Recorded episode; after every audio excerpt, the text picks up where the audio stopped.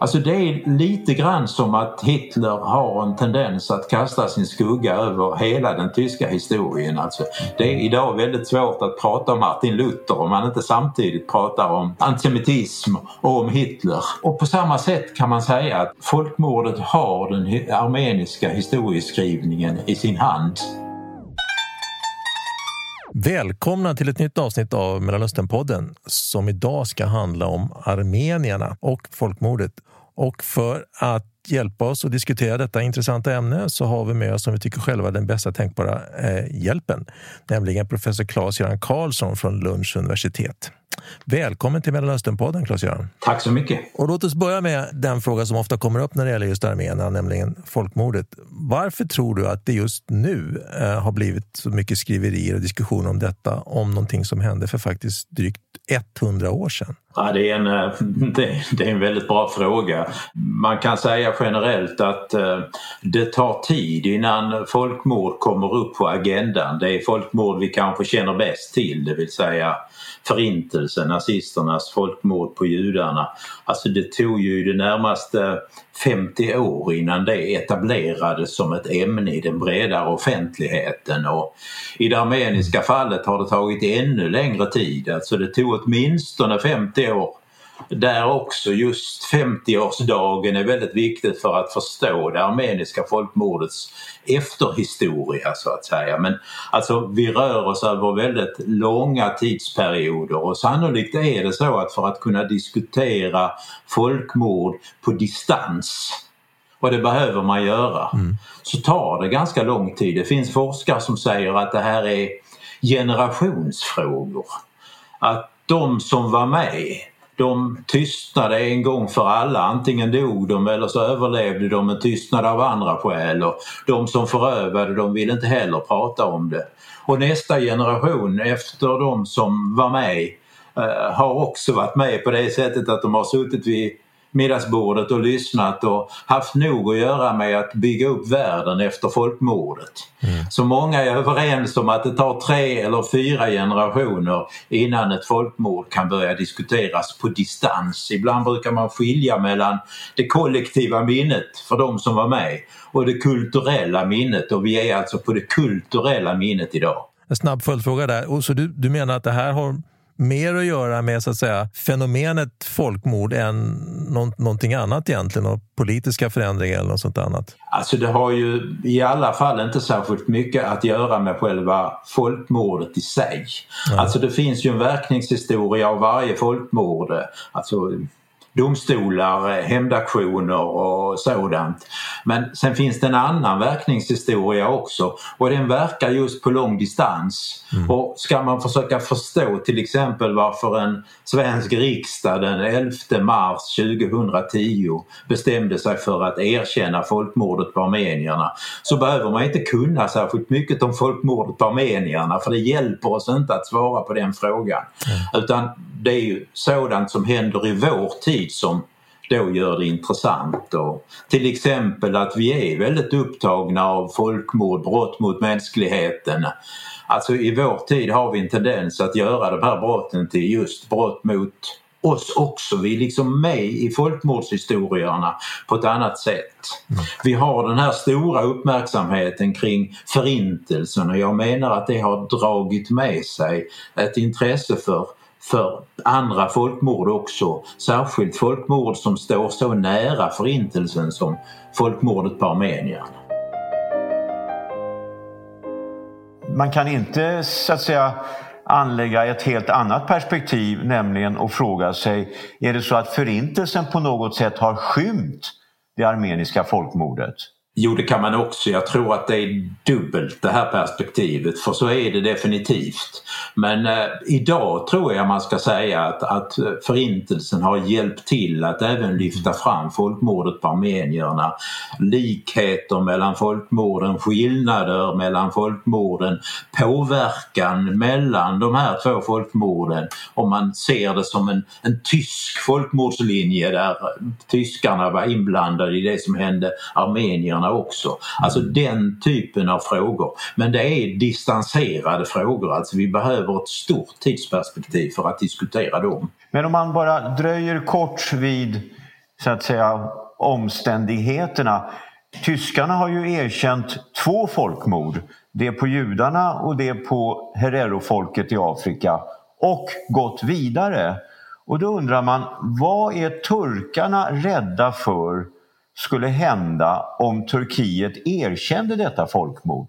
Ja, det är också en oerhört bra fråga. Alltså, utifrån vår rationalitet så tänker man att det vore väl väldigt enkelt för Erdogan att säga att folkmordet förövades i ett helt annat land som försvann från världens karta 1923, Osmanska riket och Turkiet kan knappast läggas till last för det som hände Eh, under första världskrigets år. För Turkiet fanns ju inte ens då men så fungerar det inte i det här fallet och kanske inte så ofta egentligen utan det är någon sorts eh, arvsskulds, arvsansvarsperspektiv som finns där. Alltså i Turkiet idag så är man väldigt mån om den osmanska historien ungefär som man i Europa är mån om den habsburgska historien till exempel. Och så man har ett behov av att liksom förankra Turkiet djupare tillbaka än till bara Turkiets tillkomst 1923.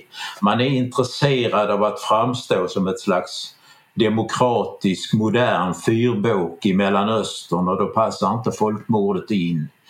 Man är, man är bekymrad över att den armeniska frågan väcker smärtsamma frågor om till exempel kurderna idag därför att det finns väldigt många paralleller mellan behandlingen av kurderna under Turkiet och behandlingen av armenierna under Osmanska riket. Och jag brukar säga att den viktigaste anledningen till varför man inte erkänner det är kanske för att man har, man har förnekat i mer än hundra år. Mm. Och att träda fram idag och säga att ja, vi erkänner att det var ett folkmord. Alltså det är nog väldigt svårt att göra för en stat som Turkiet. Du skriver vid något tillfälle att folkmordet var inom citationstecken lyckat från förövarnas sida. Skulle du kunna utveckla det lite och skulle du säga att, att det gäller även förintelsen, så att säga? Att, att även där skulle man kunna använda det uttrycket från förövarnas sida? Ja, i, i det armeniska fallet åtminstone är jag nog beredd att säga att det var eh, ett en framgångsrik operation, alltså en etnisk mm. rensning som gick över i ett folkmord. Alltså folkmordet på armenierna ägde ju rum under första världskriget och första världskriget är ju det krig där eh, folkets bestämmande över sin egen historia, över sitt eget territorium, alltså det nationella självbestämmandet spelade en oerhört viktig roll och vi tycker då en väldigt progressiv roll på många sätt för många stater som Finland och Tjeckoslovakien och, och Ungern som det ser ut idag kom till just då. Och man kan säga att Turkiet kom också till just då så att, mm. att Alltså den här stora idén om att ett folk är en nation, är en stat. Den etablerades under den här tiden och även Turkiet etablerades ju på det här sättet genom att de kristna grupperna i Osmanska riket i princip raderades ut. Så på det sättet kan, kan man ju säga att det var att det var framgångsrikt. Alltså det var en variant, en väldigt ex extremt brutal variant av en historia som utspelades på många håll under första världskriget.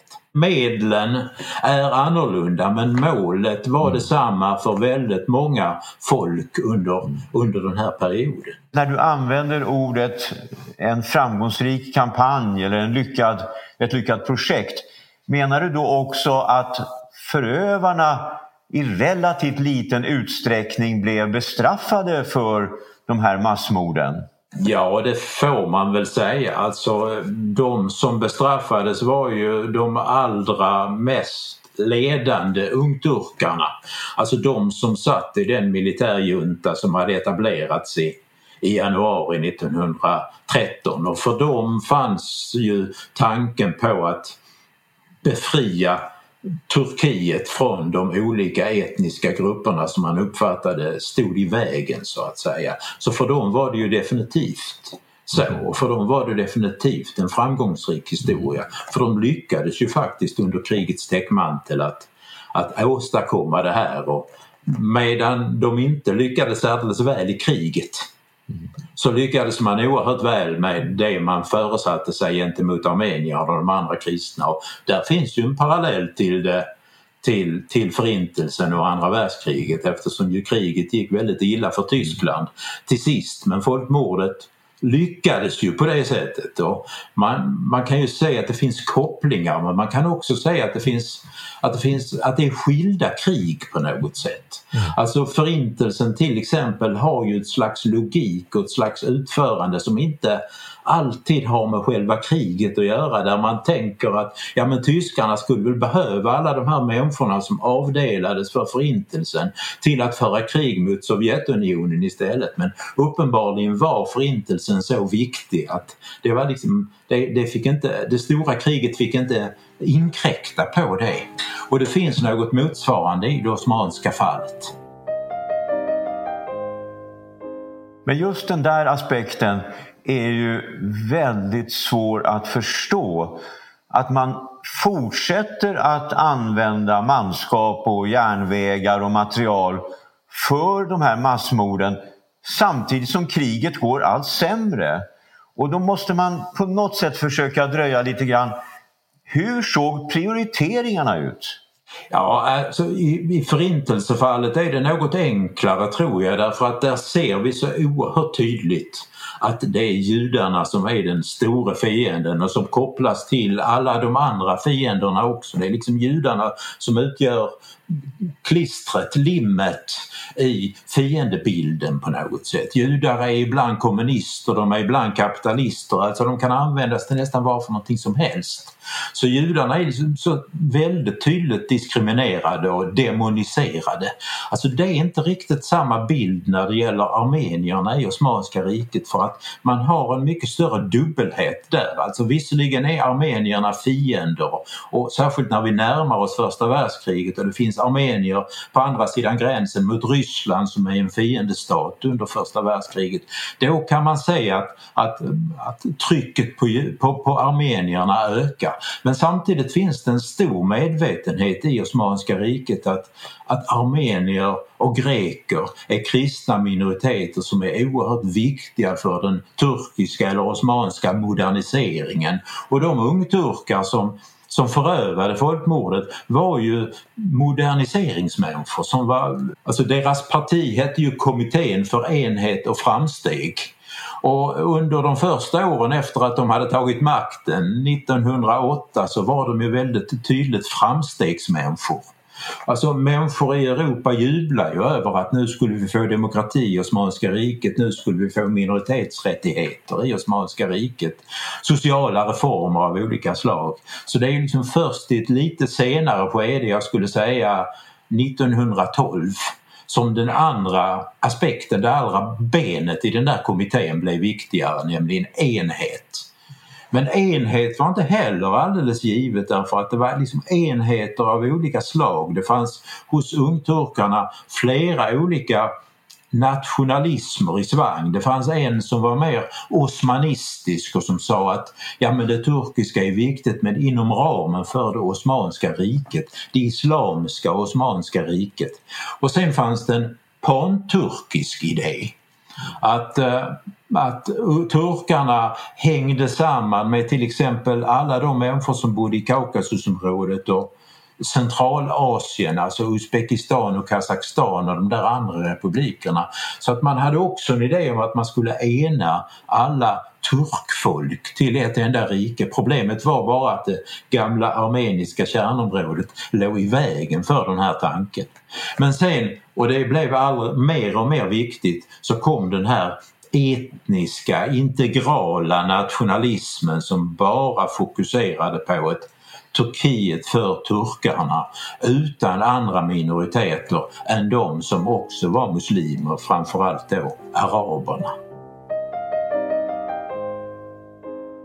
Låt oss hålla oss kvar lite med just den här, den här konflikten kristna och muslimer här i det Osmanska riket. Därför att, hur, skulle du, hur skulle du beskriva och, och se på det stöd som de kristna armenierna fick från Europa. Hur, hur, hur, såg diskussionen ut där? Alltså, vad fanns det för krafter i Europa som försökte göra någonting åt det? Givet då att det, fort, att det var ett krig som pågick och att, att fokus knappast låg där.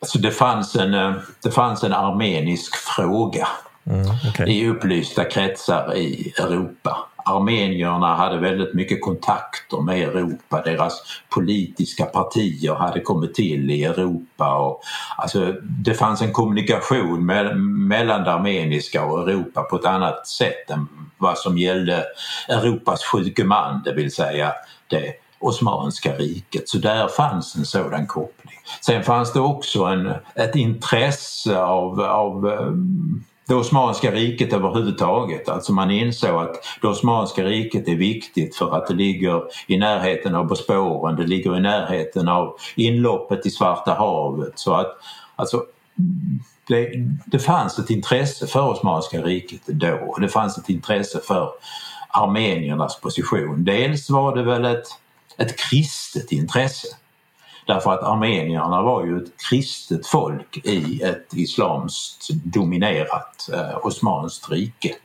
Så bland kristna grupperingar i Europa så, så, så fanns det ett stort intresse och kristna grupper hade ju väldigt stora missionsstationer också i det Osmanska riket. Eh, men sen fanns det också ett intresse för armenier och greker som ekonomiska partners därför att armenier och greker eh, dominerade industriverksamheten i Osmanska riket, bankverksamheten och så, så var ju en oerhört framgångsrik minoritet på det sättet. Alltså inte så att alla armenier var kapitalister eller moderniseringsivrare på det sättet för de allra flesta var fattiga bönder. Men det fanns i stora städer, framförallt då i, i Konstantinopel, stora minoriteter av greker och armenier som var intressanta för stormakterna. Men de var inte mer intressanta än att man insåg att det är svårt att göra någonting åt deras situation så att när man tittar på de olika internationella konferenser som ägde rum i Europa från 1870-talet och fram till första världskriget så kan man se att det finns ett, ett retoriskt intresse mm. för armeniernas situation. Men det sträcker sig inte mycket längre än så.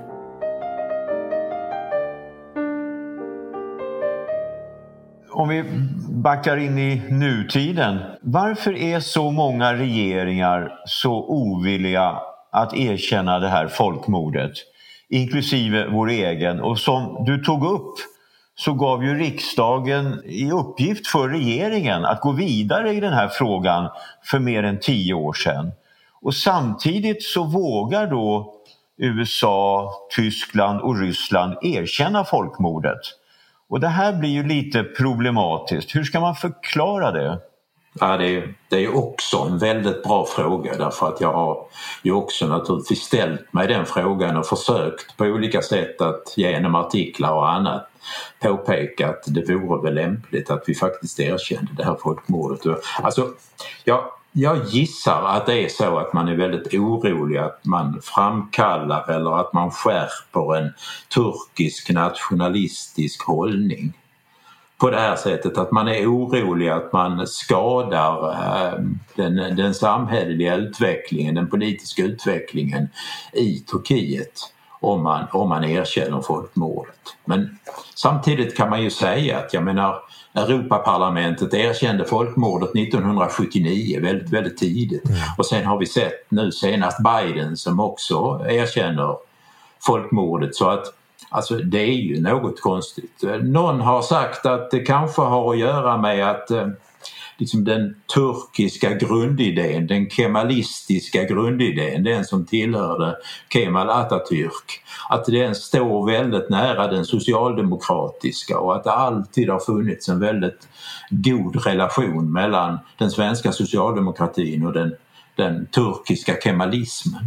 Samtidigt så fungerar inte den förklaringen så där väldigt bra därför att det är inte bara en en röd, en socialdemokratisk regering som har vägrat erkänna folkmordet utan det är lika mycket Carl Bildts regering som fanns tidigare. Bildt vill ju inte heller erkänna så att det är en svår fråga men jag gissar att det har att göra med den nutida situationen att det är väldigt viktigt att hålla sig väl med Turkiet. Att Turkiet spelar en väldigt viktig roll i Europas politik idag när det gäller migrationsfrågor och väldigt mycket annat. Så att man är, man är orolig att skada förbindelserna och i Turkiet är man väldigt känslig för den här frågan om, om erkännande och fortfarande så lever förnekandet av folkmordet ju väldigt starkt i det officiella Turkiet. Alltså det, det, är inte lika starkt som tidigare för man kan möta turkiska forskare inte bara i USA utan också i Turkiet som faktiskt erkänner folkmordet och,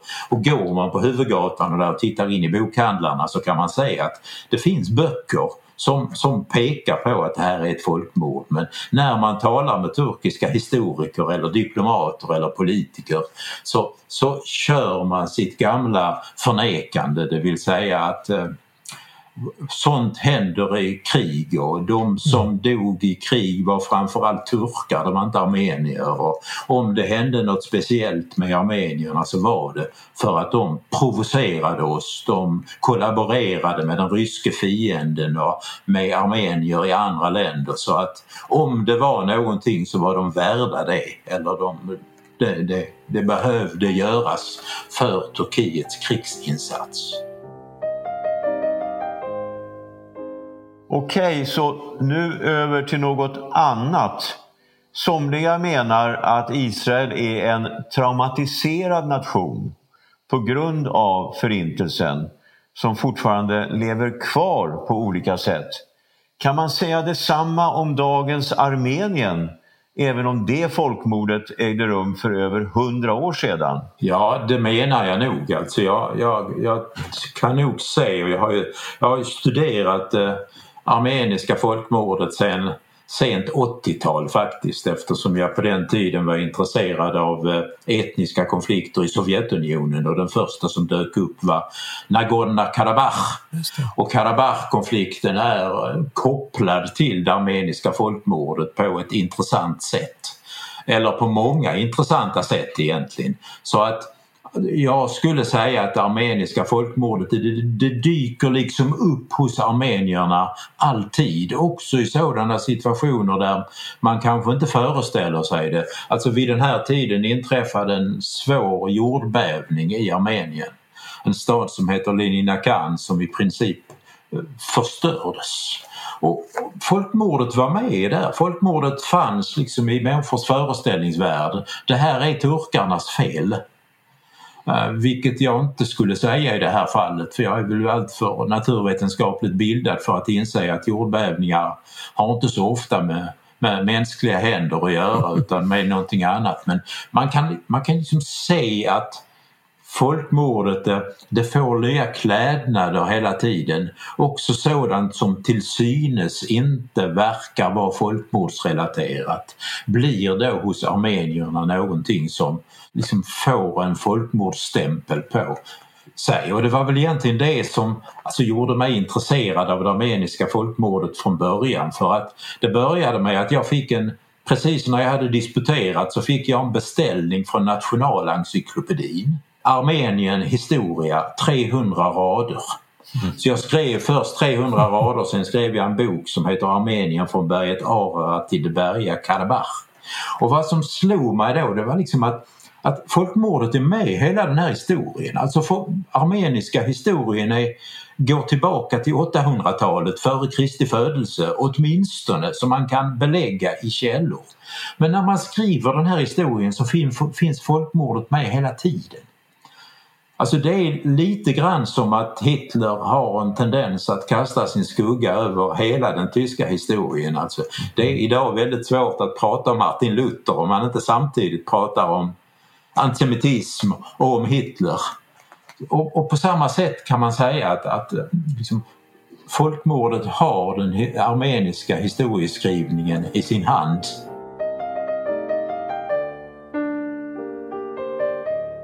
Vi har diskuterat det tidigare här, Turkiets roll. De har ju varit olika regimer där har ju varit ganska snabba på att ge sig på personer och individer som man så att säga kallar antiturkiska och det har ju inbegripit då människor som har drivit det faktum att det var ett eh, folkmord som, som det Osmanska riket begick. Har du själv eh, erfarenhet av den här oppositionen från Turkiet med, mot folk som diskuterar det här? Ja, alltså jag har, ju, jag har ju blivit uppkallad till den turkiska ambassadören vid några tillfällen i samband med att jag har skrivit något eller att vi har ordnat konferenser om det armeniska folkmordet i Sverige. Mm. Så att alltså, man, man, vill ju gärna på olika sätt markera, nu är inte jag tillräckligt betydelsefull för för, för sådant men man, när man skriver någonting om det armeniska folkmordet så får man räkna med att man man, man hör någonting från den turkiska sidan. Mm. skriver man någonting om Kaukasusområdet och om det handlar om den armeniska frågan så, så får man ett antal mejl, inte hotfulla på något sätt men ett, en del mejl från den azeriska sidan som ju är tämligen väl företrädd i Sverige också. Mm. Um, och, och, det är klart att jag står ju på den armeniska sidan på det sättet att jag, jag har haft en doktorand som har skrivit om det armeniska folkmordet och jag har jag har ju ägnat mig åt Armeniens historia mer än Azerbajdzjans historia. Mm. Vi, vi historiker har ju en tendens att vara förtjusta i de här historierna som går väldigt långt tillbaka i tiden. Det gör ju den armeniska historien. Azerbajdzjans historia är ju den är väldigt mycket mer modern. Alltså Azerbajdzjan kom ju egentligen till som ett, en, en nation eller en, en, en begynnande stat alldeles i samband med första världskriget. Mm, mm. Det ska i så fall bli väldigt intressant att se om eh, det här avsnittet av Mellanösternpodden kommer att föranleda Turkiets ambassad att höra av sig till oss. Det är kanske inte ambassaden men jag gissar Nej. att, att det, det, det, väcker intresse och det väcker mm. kanske vissa konflikter också men, men eh, mm. alltså de är, konflikterna är godartade och jag ja, jag är ju på sitt sätt glad åt det för jag har alltid i hela mitt forskarliv intresserat mig för samtidshistorien, det vill säga den historia som vi liksom fortfarande lever med, de strukturer som vi fortfarande har kvar och, och, och de historiska processer som pågår än idag. Och folkmordshistorier är ju på det sättet intressanta därför att folkmordet tar ju liksom inte slut förrän det lägger sig till rätta. Och, och, och, man kan enas, man kan försonas och det är, det är ju nästan inget folkmord som är försonat så att det pågår ju nästan i evighet. Mm. Verknings eller effekthistorien av ett folkmord.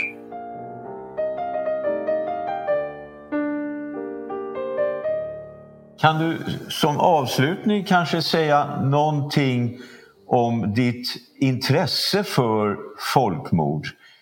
Kan du liksom, har du någon specifik drivkraft kring just det här ämnet? Och tror du att den här diskussionen, den här uppmärksamheten som idag riktas kring folkmord, har den en positiv effekt? Kan man till och med kanske hoppas att framtida folkmord inte kommer att äga rum i samma utsträckning därför att vi har en medvetenhet idag kring detta begrepp?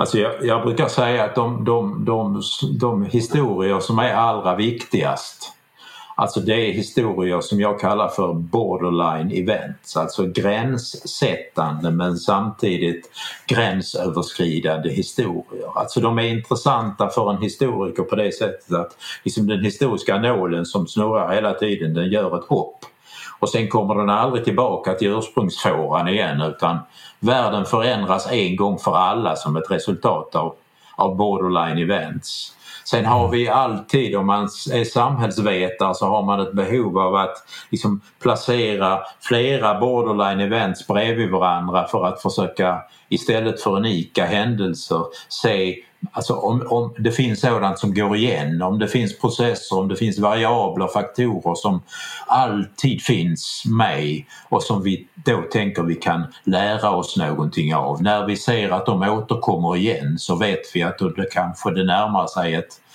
ett, ett upprepande, men ni såg citationstecknet kring upprepande för så är det ju naturligtvis inte. Men sen den tredje aspekten är då den jag brukar kalla den genealogiska, det vill säga att sådana här händelser, sådana här historier, de dyker upp ständigt och jämt. Alltså varje ny generation har att hantera det och klä de här historierna i sin tids klädnader.